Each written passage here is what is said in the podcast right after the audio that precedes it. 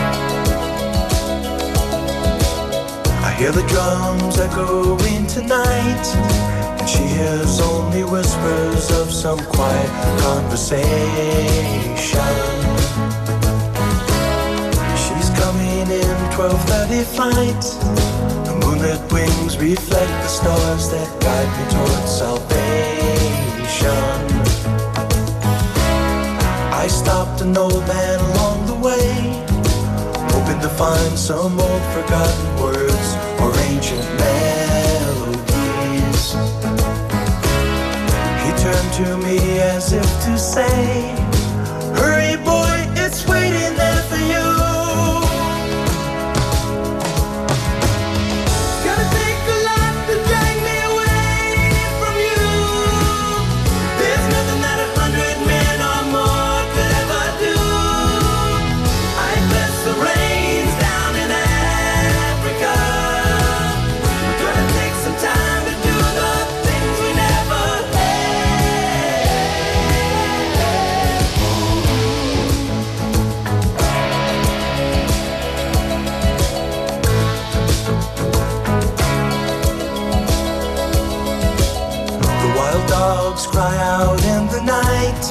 as they grow restless, longing for some solitary company. I know that I must do what's right, sure as Kilimanjaro rises like Olympus above the Serengeti. I seek to cure what's deep inside, frightened of this thing that I've become. Goedemiddag, beste luisteraars van Dorpsradio Laren. Het is vandaag woensdag 16 juni vanuit een zonovergoten Laren en natuurlijk een snikhete studio. Leuk dat je weer luistert naar een nieuwe uitzending van Safari Geheimen. De wekelijkse infotainment radioshow waarin we praten over reizen naar ongerepte natuurgebieden in Afrika, India en elders. Misschien wel met een goed glas wijn of een andere koele versnapering in de hand. Of ook misschien wel gewoon lekker met de voetjes in het water aan de rand van het zwembad. Wie weet. Vandaag duiken we een beetje de historie in met safari-verhalen uit de afgelopen 30 jaar. En ik doe dit vandaag samen met mijn gast Joke Kok. Joke is al haar hele leven een vervent natuur- en safari-reizigster.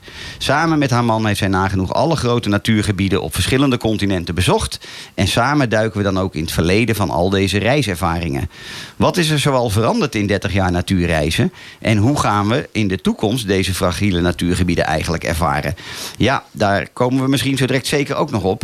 Joke, van harte welkom vandaag als gast in de studio van Dorpsradio Laren. Heel leuk dat je er bent. We gaan meteen van start. We hebben een hele hoop te bespreken. We hebben natuurlijk ook, zoals ik dat iedere week doe, een klein voorgesprekje gedaan. En eh, vragen natuurlijk al eh, bedacht. En, de eerste vraag die ik iedere gast eh, stel, iedere week, is... Wil je vertellen wie Joke is en wat Joke zoal bezighoudt in het leven? Nou, eigenlijk ben ik een heel braaf meisje geweest mijn hele leven. Dat klinkt al leuk. ja, ik ben mijn hele leven lang braaf directiesecretaresse en managementassistente geweest. Maar daarnaast heb ik eigenlijk een hele brede interesse in alles wat in de wereld leeft. En met name wildlife. En eh, ik heb een natuurlijke hang naar zekerheid en perfectie. Maar ben altijd bereid om dat op te geven en in het diepe te springen. Als er een avontuur zich aandient. Waar ik eigenlijk denk van ja, in de verte, dat zou ik best wel eens aandurven. Dat gaan we gewoon doen. Ogen dicht, springen. Leuk, leuk. En eh, mag ik je dan ook vragen waar jouw fascinatie voor natuur en wildlife vandaan komt en hoe oud je toen eigenlijk was, toen dat zo is begonnen? Ja, dat is begonnen eh, in de eerste periode van de televisie. De NCRV die had toen dat programma Ja Natuurlijk met Anton van Hoof. Die vertaalde en alle beelden duidde eigenlijk Ja. voor iedereen. En ik heb daar altijd gefascineerd naar gekeken. Ik was een jaar of 20, 21 en toen heb, heeft bij mij het idee postgevat... ooit als ik veel geld verdien, ga ik daar zelf naar kijken. En dat was toen de tijd met name de Galapagos natuurlijk. En eh, we zijn op heel veel plaatsen geweest. Helaas de Galapagos nog nooit. Dus er is nog iets om eh, over te blijven dromen wat dat betreft. ja, absoluut. En ehm, hoe oud was je toen je voor het eerst een, je eerste natuur-wildlife reis maakte? Ehm, Weet je dat nog? ja, 32. Oké. En eh, dus je hebt inderdaad die droom die je had, Ja. ooit ga ik eens. Ja. Die heb je echt nog wel even uit moeten stellen. Absoluut, ik vind het ja. een heel herkenbaar verhaal trouwens. Het is bij mij niet heel veel anders gegaan. Ehm, en als je jong bent en net van school komt, dan kun je dit soort reizen ook over het algemeen, nou ja, niet. Of je moet het op een heel erg low budget backpack manier doen. Maar dat was ook nooit mijn manier. Dus ik herken jouw verhaal heel erg. nee, Ehm, het was er ook niet, Frank. Ik bedoel, wie, Nee, wie gingen nou in, de jaren 80 naar Afrika? Nou, het werd niet weinig. echt, echt Nee, aangeboden. weinig inderdaad. Je mocht al blij zijn als je naar Spanje ging in die ja, tijd. Ja, we moesten het zeker doen met al die mooie natuurprogramma's Ja. programma's op te- televisie, inderdaad. Ja. En eh, waar was jouw eerste natuur- en wildlife ervaring? Tanzania. 1987 en het land was net opengesteld door Nyerere. Die had geld nodig en die dacht, hup, die toeristen er weer in. Alle lotjes waren vervallen. We waren, naar aanleiding van een hele kleine advertentie in de Telegraaf... met een stel biologieleraren. En dat was een, werkelijk een droomervaring. De eerste keer dat je dus naar een meer gaat... en in Arusha, dat grote meer met die flamingo's... Onvoorstelbaar. Dat staat nog steeds op mijn netvlies. Ja, ja. Er is niets meer wat dat kan evenaren. Dat is gewoon je eerste indruk. Ja. De eerste keer een kudde 84 olifanten. Ja, dat, dat is Ja, onvergelijkbaar. De eerste keer is, De eh, eerste keer in dit opzicht is vaak niet eh, de beste Ja, keer. Ja, omdat het de meeste Ja. indruk maakt. Hè? Dat is waar. Ehm, 87 zeg je. Dat is volgens mij in de hoogtijdagen dat Hugo van Lawik daar nog zat. Ja. Aan de zuidrand van de Serengeti eh, bij Lake Ndutu. Waar hij eigenlijk eh, bijna al zijn grote films heeft Ik ben eh, in zijn gedraaid. kamp geweest daar toen. Ja, Ja, inderdaad. Ik ook nog. Heb je zijn graf ook toevallig nog Ja. bezocht? Ja. Ja, ja, want hij is inmiddels al lang geleden overleden, inderdaad. Was ook absoluut een van mijn safari-helden. Want ik moest het inderdaad, inderdaad ook doen met zijn films in die eerste jaren voordat ik daar zelf heen ging.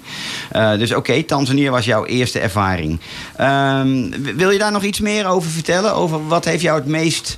Wat heeft je verder het meest geraakt in die reis? Of wat, wat vond je het meest bijzonder? Oh, in al die reis. Nou, daar heb ik er zeker een Ja. paar van.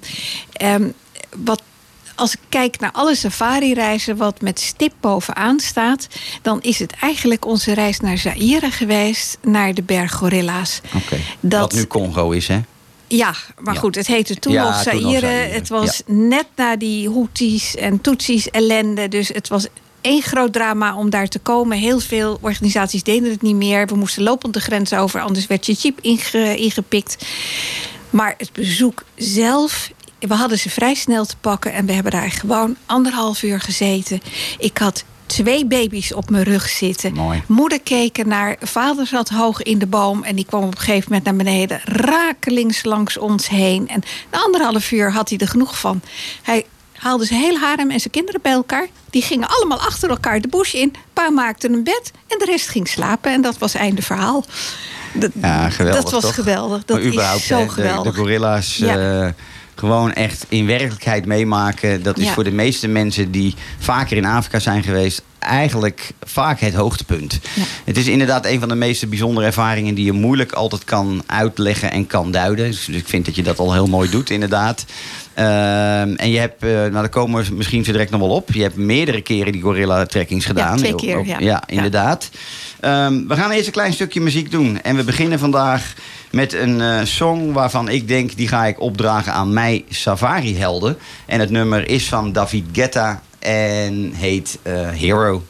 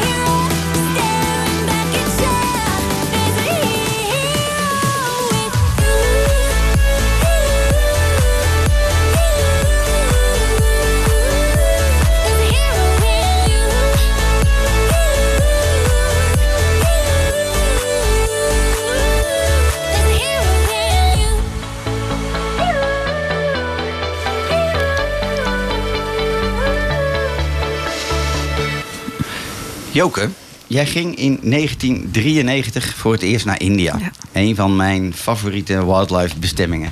Maar daar gaat het niet om. Het gaat erom hoe jouw ervaringen waren. Eh, dus ik wil daar graag wat meer over weten. Hoe jij dat hebt ervaren. Eh, dus vertel, vertel wat, wat is er overgebleven aan herinneringen uit die eerste India-reis? Toen India nog een heel ander India was dan nu. Ja, India, moet ik even zeggen, ik heb een haat-liefde verhouden met, het met het land gekregen. India is alles yin en yang. Alles wat mooi is, daar staat iets heel lelijks tegenover. Ehm, ik, ik wil even een klein voorbeeld geven. Wij stapten ooit 's morgens vroeg uit een trein, liepen een dorp in. De markt was nog niet open en daar lag werkelijk een beeldschone vrouw. Lag er onder haar groentestalletje in een goedkope maar kleurrijke sari. En toen dacht ik, ja, dit is het weer. Een beeldschone vrouw midden in de rotzooi, in de ellende, in de pure armoede. Ja. Dat is India. Ja. Prachtige forten, prachtige paleizen, maar ja, gebouwd door mensen die er zo 10.000 over de kling joegen, bij wijze van Ja. spreken. Dus dat is echt. Maar wel binnen het perspectief van 1993. Hè? We moeten wel eerlijk blijven. Want ik Ja, heb ook met dat 25 jaar. Ja. tussenpozen India gezien. En er is vreselijk veel veranderd. Dus dit is het beeld zoals ik het ook herken. Ik was er in 95 voor het eerst. En toen was het nog wel een stuk slechter gesteld qua armoede dan dat het nu is. Hè? Ondanks dat India India blijft. Dus ik herken het verhaal ook helemaal. Ja. Eh, inderdaad, schoonheid versus ehm, ja. lelijkheid, Ja, zeg maar. ja, echt precies. lelijkheid. En eh, ook wel eh, de, de oude gebruiken versus het, het modernisme. ja. Dus nou ja, Ja. Dat, daar kan ik een heel lang verhaal over houden. Ja. Maar dat is natuurlijk niet, het, eh, niet het wildlife. Volgens mij was het een uitgebreide reis. Ja, het was een hele Eh, uitgebreide met een reis van drie maanden. Met een Ja. heel bijzonder tintje ook met betrekking tot eh, een, een bepaalde olifant. Ja, dat vertel, klopt, ja. vertel daar eens over. Ik kreeg een, vlak voordat wij naar India gingen, kreeg ik per ongeluk een boek in handen van Mark Shant. Mark Shant is een soort van Engelse avonturier die het in zijn hoofd gehaald had om duizend kilometer per olifant door India te trekken. Hij Ja. eh, kwam in India, heeft een olifant gekocht die slecht behandeld werd. Heeft daar een enorme band mee opgebouwd. En in dat boek beschrijft hij die duizend kilometer. Een olifant is heilig. Ja, als je daarmee in het dorp komt, dan loopt alles uit. Maar die olifant loopt zo wel tussen de groenstalletjes door, vreet ze leeg en duikt, duikt in het water. ja. En aan het eind van zijn tocht, eh, ja, wat doe je met een olifant? Die kun je niet meenemen naar Engeland. Dus ehm, en hij ontmoette iemand eh, van het Kipling Camp en die zocht een olifant voor toeristen. En toen heeft hij die olifant daar gegeven met de restrictie van zorg goed voor haar. Ze heette Tara.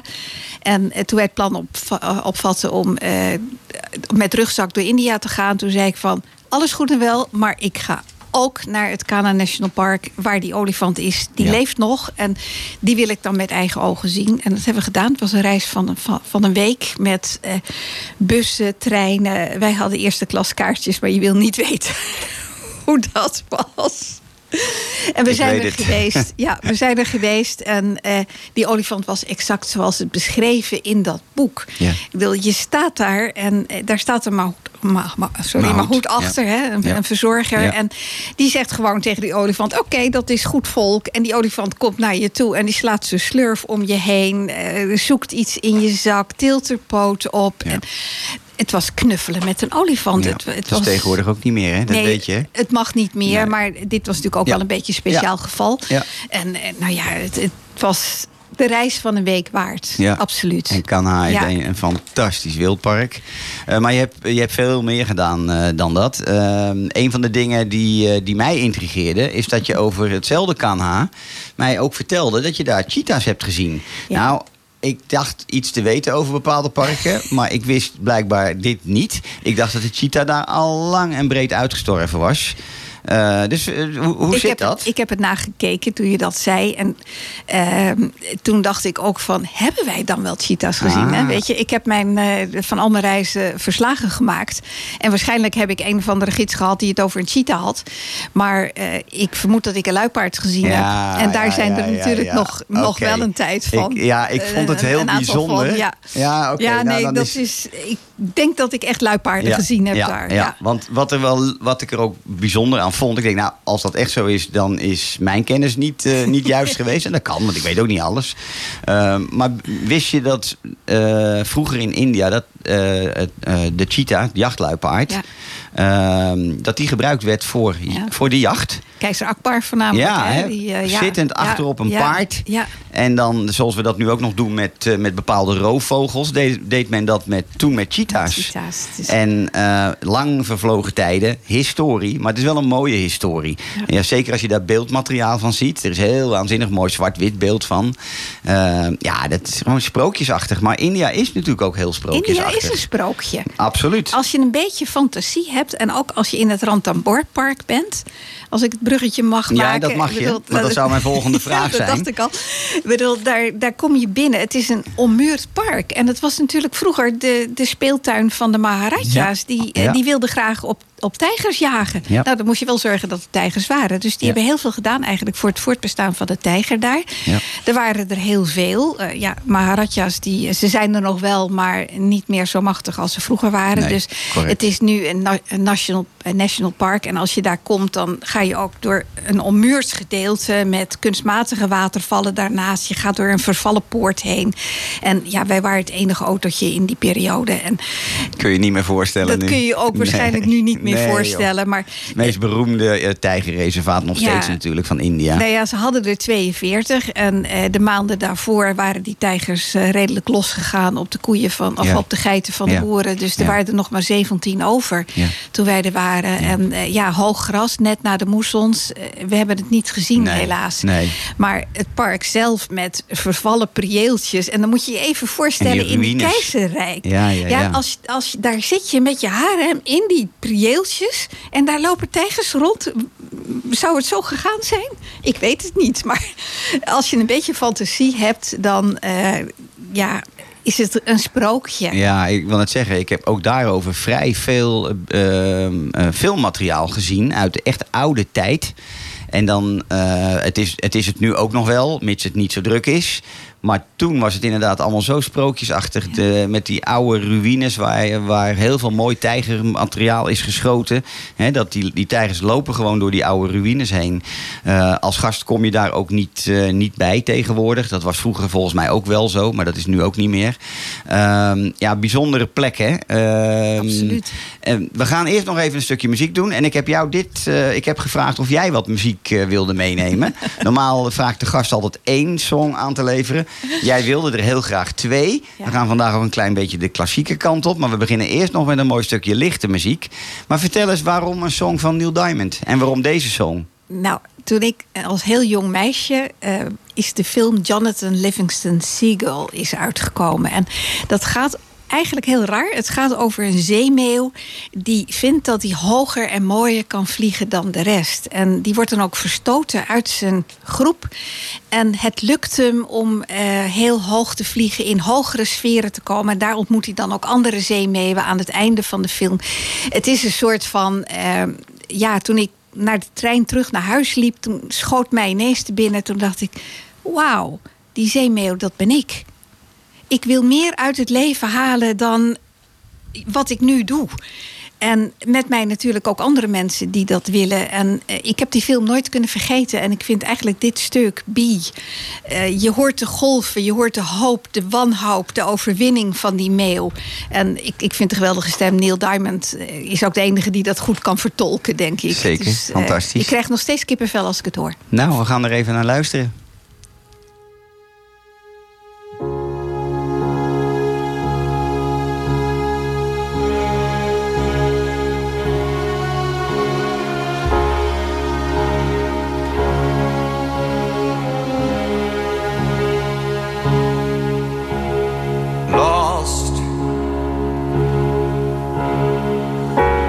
Painted sky. Where the clouds are hung for the poet's eye. You may find him.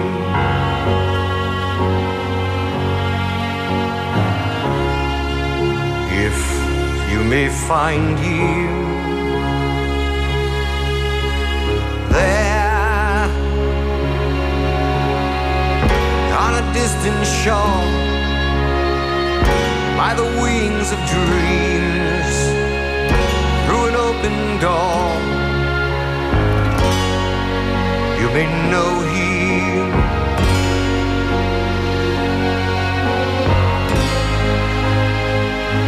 If you may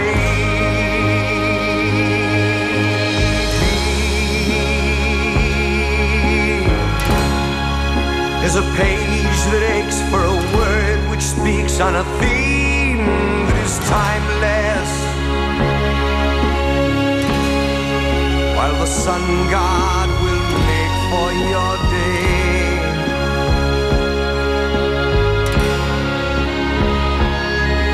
Sing as a song in search of a voice that is silent. The one God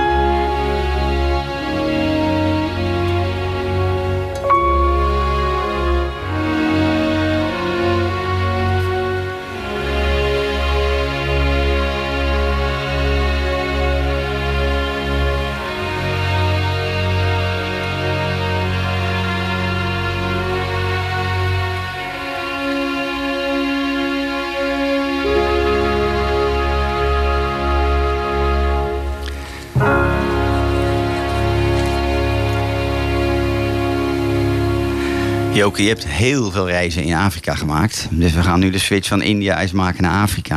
En dan moeten we het eigenlijk ook nog een klein beetje over de verschillen hebben in, eh, in beleving op safari in Afrika en India. Maar ehm, wat heeft. eh, ehm, kun je iets vertellen over de verschillen in safari? Ervaring India en Afrika. Ondanks dat je die tijger niet gezien hebt, maar dat is volgens mij helemaal niet wezenlijk zo van belang. Ja, er is natuurlijk een heel ander soort wildlife daar. Je hebt eh, heel veel hertensoorten, maar die zijn totaal anders als in, eh, als in Afrika. De parken zien er ook anders uit, denk ik. Ik, ik heb natuurlijk alleen maar het, het Kana National Park en eh Ranthambore gezien, maar het is een andere beleving. En niet alleen dat er andere dieren zijn, het zijn ook andere mensen. Als je daar, eh, met name in Kana, daar kon je dus eh, s morgens vroeg kon je daar op safari. En ja, dan stap je in een jeepie die open is, hartstikke koud. En dan kom je, ja, oh, hoe heet het, een tijger hadden we niet gezien, maar die waren dan wel gespot door olifanten. Dus dan kon je een soort van olifantenbeleving kon je doen. En tot onze verbijstering staan daar dan eh, een stuk of zes jeeps vol met enorm luidruchtige Indiërs. Precies, dat die is op een houda op een, op een olifant gezet worden. Ja. Je rijdt twee minuten op die olifant. Zit heel hoog, want de olifant is hoog. En er zit er beneden in de struiken één zielige tijger... die bewaakt wordt door een olifant, geen kant op kan. En dan mag je de foto maken. Nou, er is natuurlijk helemaal niks te zien, een paar strepen. En dan ga je terug en dan Ja. wordt de volgende op die houda Ja. gezet. En dan ga je weer. Dus circus. Maar goed, eh, eh, eh, zet dat nou eens door naar je ervaring, ervaringen in Afrika. Want het zit hem inderdaad in dit soort dingen. Hè? Ja. De regelgeving en de mentaliteit tussen die twee eh, safari-ervaringen is extreem. Eh, dus, dus vertel... Het is, het is ook een beetje de luidruchtigheid. Hè? Ja. Als, ik heb de neiging, als ik in een open jeep in Afrika zit... en we zien in de verte een leeuw, dan hou je je mond. Ja. Ja, je wil die dieren niet verstoren. Ja. Een Indiër, die maakt een heleboel lawaai. En die schreeuwen naar elkaar. En kijk eens wat een mooie foto. Ja, weg, weg leeuw of ja, tijger. precies. Ja. Maar in, in, eh, ik denk dat het ook heel erg verschilt in de- 1987. Mijn laatste was in 2010.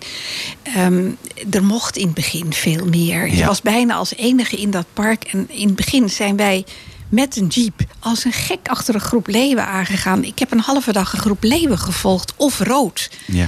En uitgebreid gefilmd en gedaan. En ik heb Mooi. ook nog eens gehad van we zochten een leeuw. We wisten dat hij er was, bleven staan. En we zagen hem niet totdat hij bewoog. Die lag pal naast de Ja, auto. ja, ja.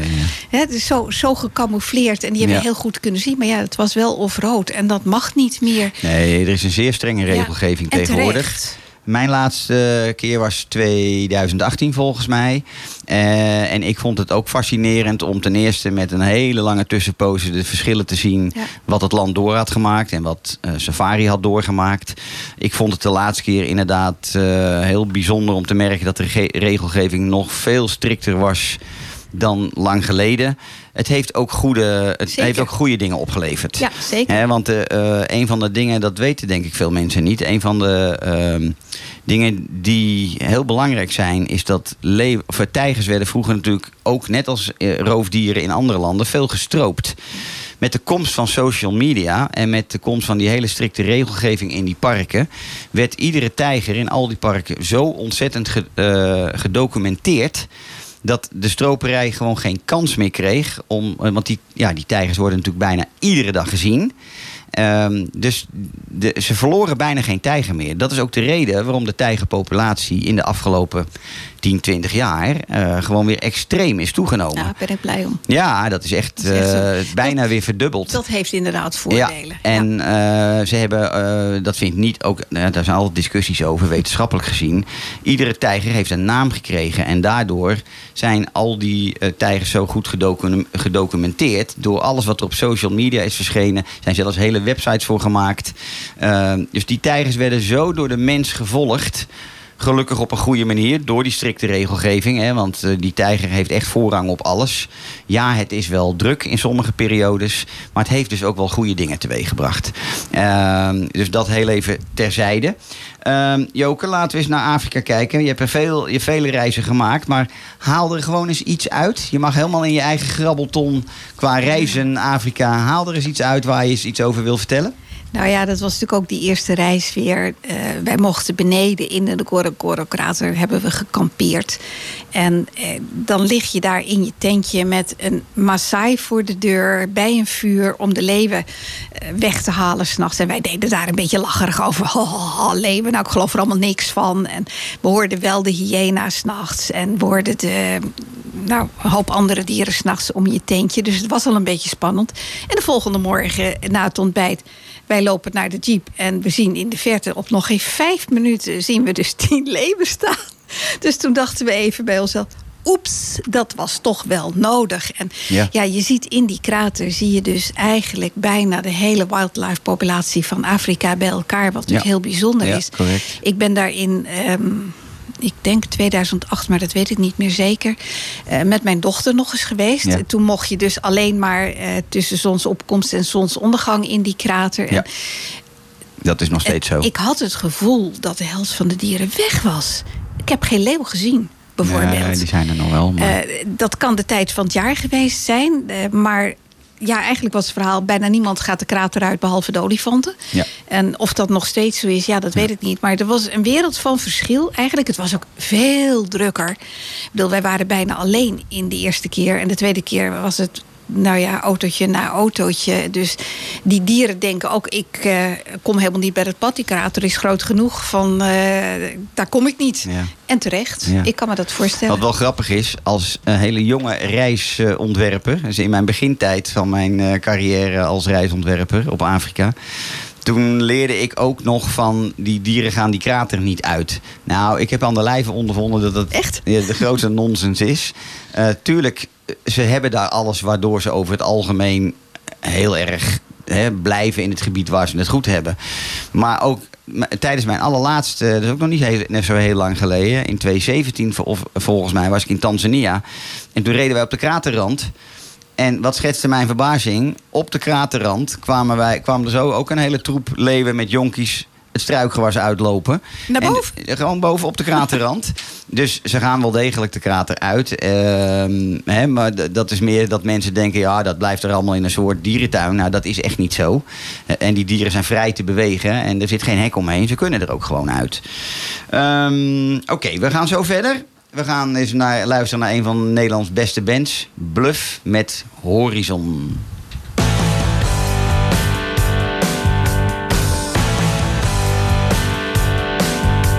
Wanneer is het klaar?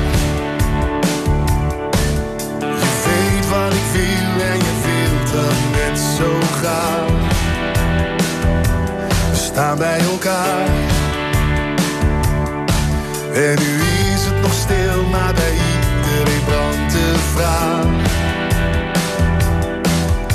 Kan het ook anders? Ik heb niks om handen vandaag. Het grootste misverstand is dat niemand nog iets kan, dus.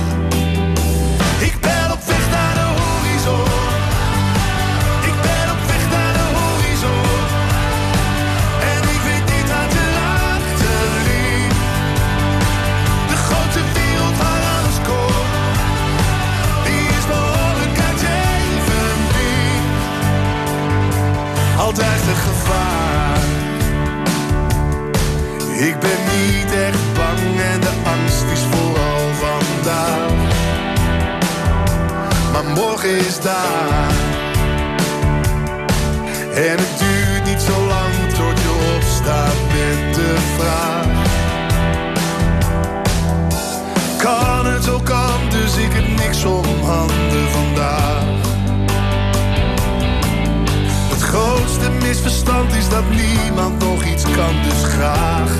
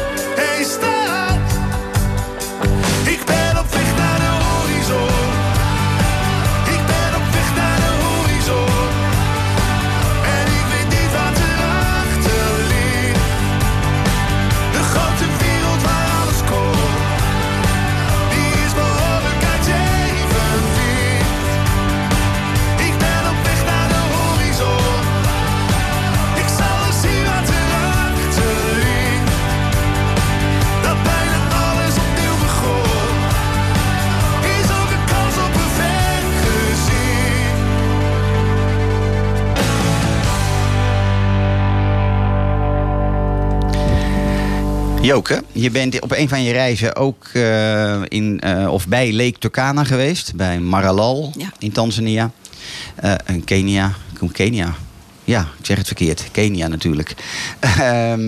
Wil je daar iets, of kun je daar iets over vertellen? Want dat is ook een hele bijzondere plek waar weinig mensen komen. Ja, dat klopt. Eh, dat is de Turkana-stam die daar is. Eh, iedereen gaat natuurlijk altijd naar de Maasai. Ja. Maar ook eh, de Turkana-stam, als je daar komt, dat wordt voor je georganiseerd. Daar ga je naar een dorp, daar wordt voor betaald. Daar kan je verschillend over denken. Maar ze kopen daar wel opleidingen voor de kinderen voor. En babymelk Ja, en wat ze ook nodig hebben. Dus Ja. Je steunt daarmee echt. je steunt wel de, de lokale gemeenschap. community, Maar ja. ik vraag me dan altijd af van... ja, leven ze nou echt zo? Of is dit een soort van Volendam? eh, Ja. Nou, dat is bij de Turkana, dan valt dat nog wel mee hoor. nou ja, ik ben er niet helemaal zeker van. Ik voel me altijd wat ongemakkelijk daarmee. Eh, wat ik vaak doe, ik trek me wat terug en ik ga naar de kinderen. Ja. En eh, ik had daar ballonnen meegenomen. Dus Ja. ik heb samen met die kinderen Ja. ballonnen opgeblazen. Nou ja. Ja. dat was natuurlijk helemaal geweldig. Later had ik wel het idee dat de ouderen... die vonden die ballonnen nog leuker. Dus die kinderen moesten ze allemaal weer afgeven. Ja, Maar een van, die, een van die kindertjes, die, eh, die gaf mij iets. Die, die stopte iets in mijn handen. Ja. Het was een soort van houtskoolpopje. Ja. En eh, dat moest ik hebben in ruil van die ballon. En eh, later hoorde ik van zijn vader dat dat popje bracht geluk. Nou, of het geluk brengt, dat weet ik niet. Maar het staat nog steeds midden in mijn huiskamer. En Ah. eigenlijk vind ik dat toch een van de allermooiste souvenirs die Ja, ik ja, meegenomen ja. heb. Mooi. Het was een gebruikt popje. Ze speelden Ja, ja, ja. daarmee. En eh, dat heb ik heel erg leuk gevonden. Nou, het is een eh, heel erg eh, eh, onbekend en onbemind regio om te bezoeken. Het is ook regelmatig niet zo stabiel geweest in die regio, waardoor toerisme er ook nooit echt tot, tot wasdom is gekomen. Het is, heel, eh, het is echt voor de fijnproevers, zeg ik altijd. De mensen die inderdaad de meest authentieke, ruige eh, stammenervaring wil, eh, wil meemaken, moet wel steeds noordelijker Kenia in. Dus inderdaad, Turkana en omstreken. Of in de Omo-vallei in Ethiopië. Hè, daar, en zo zijn er nog wel meer stammen. Maar goed, ook dat is wat jij aanhaalt. Leven ze nog echt zo? Ja, we doen er met z'n allen aan mee, schuine streep. Ook die mensen ontwikkelen zich en die maken een verbeterde leefomstandigheid mee. Waardoor dingen gewoon veranderen. Dus die culturen die komen wel zwaar onder druk. Ja, dat is zo. Dat is aan één kant jammer. Aan de andere kant denk ik ook wel eens een keer van... ja, jij en ik zijn ontwikkeld en dat willen we voor anderen ook. Ja, En Ja. ja, dat die cultuur, dat is een ongoing proces. Ja, we leven precies. ook niet meer in, eh, in berenvellen. nee, inderdaad. Helemaal juist. Hey, en eh, je hebt eh, ook gereisd in de regio waar ehm, eh, naast de gorillas ook de chimpansees leven. Ja, Kibale Ehm, Forest. Kibale Forest, ik wil het zeggen. Wat, wat is je mooiste chimpansee-ervaring geweest? Is dat daar dus? Ja, dat is daar geweest. En wij ze hebben daar gewoon drie uur in dat bos rondgelopen. Midden tussen de chimpansees. En je ziet dan heel goed de familiestructuren, de kleintjes, de machtsverhoudingen, het, eh, het spelen met elkaar, het, het eh, knokken om een, eh, om een houtje, zoals honden dat ook wel kunnen doen. Maar Ja, chimps ja, kunnen, dat ook die kunnen gewoon, dat ook, ja. kunnen dat ook gewoon heel erg. Heel En, menselijk ook Heel allemaal. menselijk. Het is, het is echt dat je het idee hebt van... ja, dat waren onze voorouders. Ja. Dus ik, eh, nee, ik heb het heel erg. Ik vind het ook een heel speciaal bos. Er groeit ook van alles. We hadden toevallig een gids die heel veel wist over eh, de planten en de eetbare vruchten en dergelijke. Heel En goed. op zich Ja, is dat heel erg interessant. Want Ja. eh, dat hoor je meestal niet. Want je gaat zitten, je gaat naar die chimps kijken. Maar je krijgt dan ook uitleg van wat eten die chimps. En welke vruchten wel en welke niet. En welke vinden ze heel lekker. En wanneer kunnen ze die plukken. En waar groeien ze en zo. Dus ik, ik heb het een hele bijzondere ervaring ge En niet zo moeilijk Als- te, te, te be- belopen, hè? want het is veel vlakker dan Ja. eh, bijvoorbeeld de berggorilla's. Dit is een stukje makkelijker. Ja, het is vlakker, maar Ja. het was wel net na de regen. Dus het was nog- behoorlijk nog steeds- sompig. En ik zal je vertellen, ik, mijn eh safari-schoenen waren kapot. Oké. En vlak voor deze reis ga ik naar Amsterdam en ik koop een paar nieuwe schoenen. Kijk er niet naar, gooi ze in mijn koffer. En ik sta daar in het forest en ik heb twee linkerschoenen. En ik liep op slippers. Blote teenslippers. Altijd lekker. In Kibale Forest. En Kibale Oké. Forest. Dus ja, het lopen ging iets minder. ja, ja, ja, ja. Hey, mag ik je een, een, een- een iets andersoortige vraag stellen? Eh, we hebben natuurlijk een periode gehad voor corona, maar er komt zo direct ook weer een periode na corona.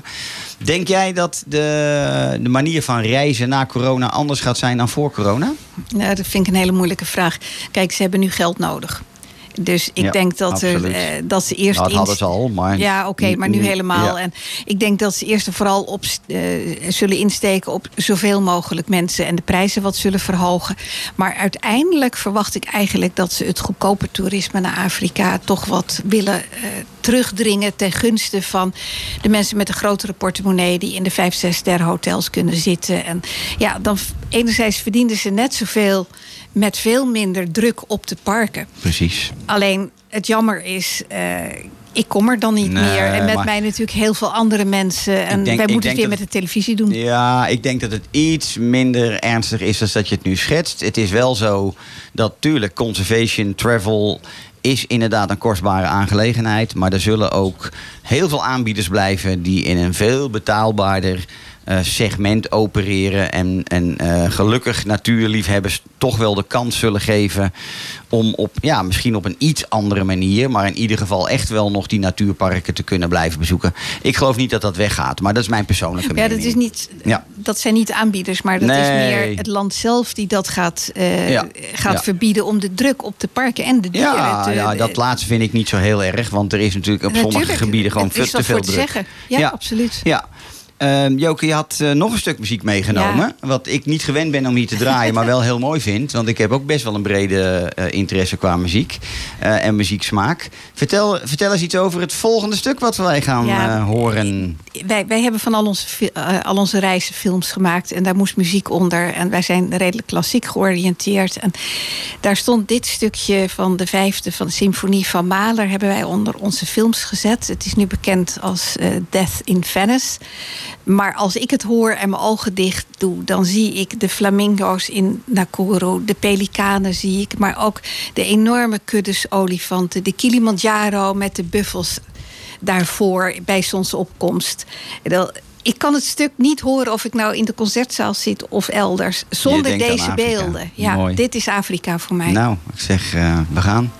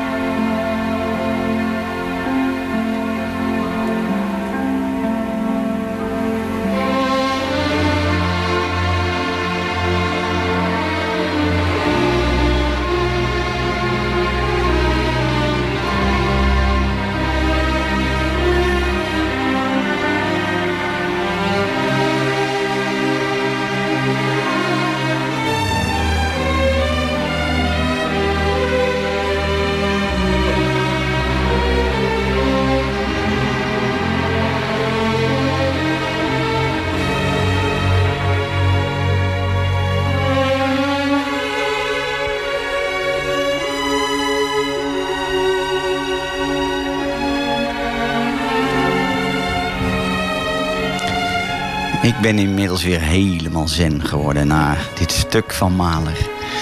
Goed, Joke. We zijn alweer bijna door ons uur heen, dus we moeten opletten dat we alles eh, nog eh, bespreken wat we wilden bespreken. Een van de dingen die jij ook gedaan hebt, is een eh, paardrij safari. Horseback safaris in de bush van Afrika. Ja. Fantastisch. Is ook niet voor iedereen. Hè? Ik bedoel, je moet echt, echt van paardrijden houden, wil je dat gaan doen. Vertel eens, waar heb je dat gedaan? En hoe heb- was dat? Ik heb het in Zimbabwe gedaan. En Ah. ik ben geen goede paardrijder, maar ik probeer het. Dat zijn een van de dingen, denk dat ga ik gewoon doen. Want als je bovenop de rug van een paard zit, dan ruik je niet meer naar mens. Dus het gevolg is, je staat midden tussen de kudde zebra's en gnoes. En we hadden dan ook nog het geluk dat daar een familie neushoorn, vier stuks met een jong, aankwam shocken die aan de rand van die kudde ging staan. En daar sta je dan op je paard middenin. Nou ja, dat is ook zo'n ongelofelijke ervaring. Ja, ja, dit ja, dit ja. is iets wat je alleen maar op televisie ziet, denk Ja. ik dan. En, en was dit een, een, een paardrijtocht gewoon op één dag? Of heb je een meerdaagse Nee, nee, nee, gedaan? nee, ik ben niet echt een goede paardrijder. Helaas, Ah, dit was echt Ja. van een aantal uren. Ja, precies. Ja. Ook al heel erg bijzonder, Ja, toch? Om dat mee ja. te maken. Ja. Ja. herken ik ook. En ehm, weet je nog waar dat in Zimbabwe was, dat je dat gedaan hebt? ja, dat was niet ver van Harare vandaan. Ah, oké. Ja, dat kan. Ja, Zimbabwe staat er ook wel onbekend hoor. Maar heeft hele goede Ja. paardrijorganisaties. Engelse, hè? Ja, ja, ja, inderdaad. hey, als je nu nog ehm, zou mogen kiezen om toch weer terug te gaan naar Afrika, wat zou dat dan zijn? Wat staat er dan weer hoog op je bucketlist? Ehm, ik zou heel graag toch nog een keer een apenreis willen maken, toch? Die gorilla's die blijven mij trekken en ook de chimpansees. En mijn laatste gorillatocht was omdat ik bij onze dochter daarmee kennis wilde laten maken. Die Ja. was heel moeizaam. Ja. We hebben acht uur geploeterd Ja. door de bush voordat we ze zagen. En dan nog in de verte. Dus ik wil eigenlijk graag nog eens een keertje wel dichterbij komen. Maar aan de andere kant denk ik van... ik zou toch ook de tijger wel willen zien. Dus misschien staat India ook nog wel eh, hoger op mijn bucketlijst. Omdat dat toch iets is wat ik niet eerder gezien Nee. heb in het echt. Dus ik hoop dat het daar ooit nog eens een keer van komt. Ik hoop je daarbij te mogen helpen als het Wie zover komt. Ja. En die tijgers zijn tegenwoordig, eh, nou, ze zijn zeker niet succesverzekerd. Het is echt niet zo dat iedere trip in een tijgerreservaat Nou ja. betekent dat. Mijn laatste trip was misschien ook wat dat betreft wel bovengemiddeld. Ik heb heel veel mazzel gehad in die reis. Zeven, acht dagen in tijgerreservaten en best wel heel veel tijgers gezien. Maar ik heb ook een keer acht weken in India gezeten en er slechts op één dag twee gezien. Een paardje. Dus ik bedoel, het, eh, maar er, is wel wat dat veranderd. is safari, hè? Ja, je maar weet het gewoon is wel niet. meer succesverzekerd, net als dat de gorilla's dat ook tegenwoordig zijn. Dat Ja. komt gewoon dat ze dagelijks gevolgd worden. Ja. Ze weten gewoon waar, eh, waar, ze ze verblijven. Ja, Ehm, Joke, ik wil je eh, bij deze alvast heel erg danken voor al je mooie verhalen. En eh, fijn dat je hier te gast wilde zijn vandaag. Ik Jij wil bedankt, Frank. Graag gedaan, graag gedaan. Ik wil de luisteraar graag nog heel even attent maken op het feit dat ik natuurlijk een podcastkanaal heb. Mijn Afrika, mijn Wildlife. Op dit podcastkanaal kun je ook deze radio-uitzendingen eh, beluisteren. Daarnaast maak ik solo-afleveringen. Je kunt deze podcast gewoon vinden op Mijn Afrika, Mijn Wildlife. Op de grote streamingsdiensten.